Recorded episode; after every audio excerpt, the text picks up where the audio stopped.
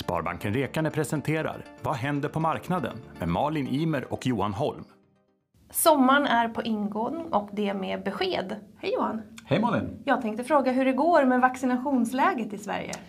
Jo men det går väl bra. Mm. Eh, det är korta svaret. Om man ska ge ett lite längre svar kan man säga att vi var inne på det förra avsnittet också att eh, vaccinationerna skjuter fart, vår och värme och sommar och så vidare hjälper till också. Så vi ser ju att samhällena öppnar upp mer och mm. mer och restriktionerna tas bort efterhand. Så att det är positivt där. Mm. mm. Och även globalt så är det ju en positiv trend. Exakt, mm. precis. Bra.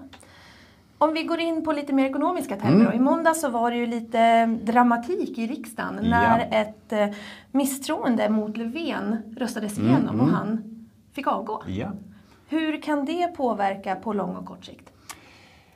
På kort sikt skulle jag säga att det påverkar inte alls mm. egentligen. Vi, vi är ju liksom, Sverige är ett litet land, vi agerar på, alltså det är en global värld vi lever i i dagsläget och, och, många av våra stora företag och våra marknadsräntor och allt sånt där det påverkas ju egentligen av den globala konjunkturen och allt mm. som händer där. Så att på kort sikt inte alls. Nej.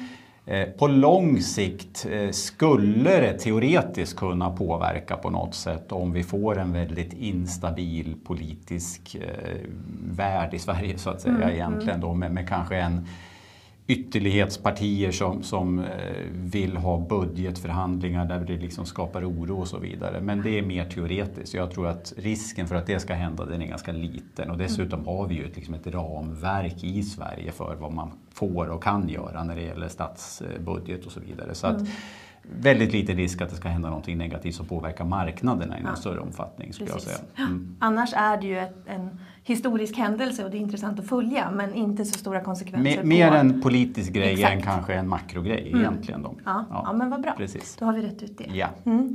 Du, sist så pratade vi om en eventuell inflationsoro um, och hur det kunde påverka marknaden. Vad har hänt där? Ja, men det är ju helt riktigt och man kan väl säga att den frågan lever fortfarande egentligen. Vi har ju fått in eh, ganska hög inflation framförallt från USA under maj. Här. Jag tror att vi kom in på 5 okay. i inflation och det är betydligt högre än målet. Mm. Däremot kom faktiskt inflationen för Sverige in lite lägre än förväntat. Mm. Det kom in på 2,1 procent, mm. marknaden hade förväntat sig 2,5 procent. Så där kom det in lite lägre än förväntat. Men mm. Många tror ju att det här är tillfälliga effekter, det kommer vara nu några månader kanske och sen kommer det här lägga sig. Mm. Eh, och vi ser väl också lite grann att det är så marknaden så att säga eh, tar till sig de här nyheterna. Att det, det, blir lite kortsiktig oro men sen lägger det sig ganska snabbt. Det som är intressant att se det är ju naturligtvis hur centralbankerna kommer att agera på de här inflationssiffrorna. Eh, och än så länge har ju de sagt egentligen, de större centralbankerna, att vi tål en lite högre inflation under en kort tid utan att vi behöver dra tillbaka stimulanser och så vidare i en större mm. omfattning. Men det är en viktig fråga. Jag tycker man ska hålla koll på det. Eh, och skulle det vara så att inflationen fortsätter att vara hög här över hela sommaren och in på hösten, ja då kan det bli en grej som, som påverkar naturligtvis. Då. Mm. Men, men vi får se. Men, men det har inte hänt så mycket nytt egentligen kan man säga. Okay. Mm. Men om vi pratar om ränta och aktiemarknaden mm. istället då, om vi tittar över sommaren. Mm. Vad, vad kan vi förvänta oss där tror du? Jag tror vi var inne på det förra gången. Jag tror att man ska, vi hade ju ett väldigt starkt år från, från egentligen när pandemin slog till i mars mm. förra året fram till någonstans mars i år var det ju otroligt starkt på börsen till exempel. Och ja. Vi var inne på det förra gången, man ska dra ner förväntansbilden. Mm. Och jag, jag sneglade faktiskt innan vi, innan vi spelade in här nu att eh, sen vi pratade förra gången så har svenska börsen gått upp ungefär 1% på en månad. Och nu är vi liksom tillbaka kanske på någon slags normal förväntansbild, vad man kan, kan förvänta sig av mm. aktiemarknaden. Så att jag tror att man ska dra ner förväntansbilden. Eh, det kommer inte vara sån här extrem avkastning på börs och så vidare utan eh, håll, ner, håll ner förväntan lite grann. Sen är det ju viktigt att se det som jag varit inne på då, och följa den biten. Det är ju hur, hur ser det ut med virus och vaccination?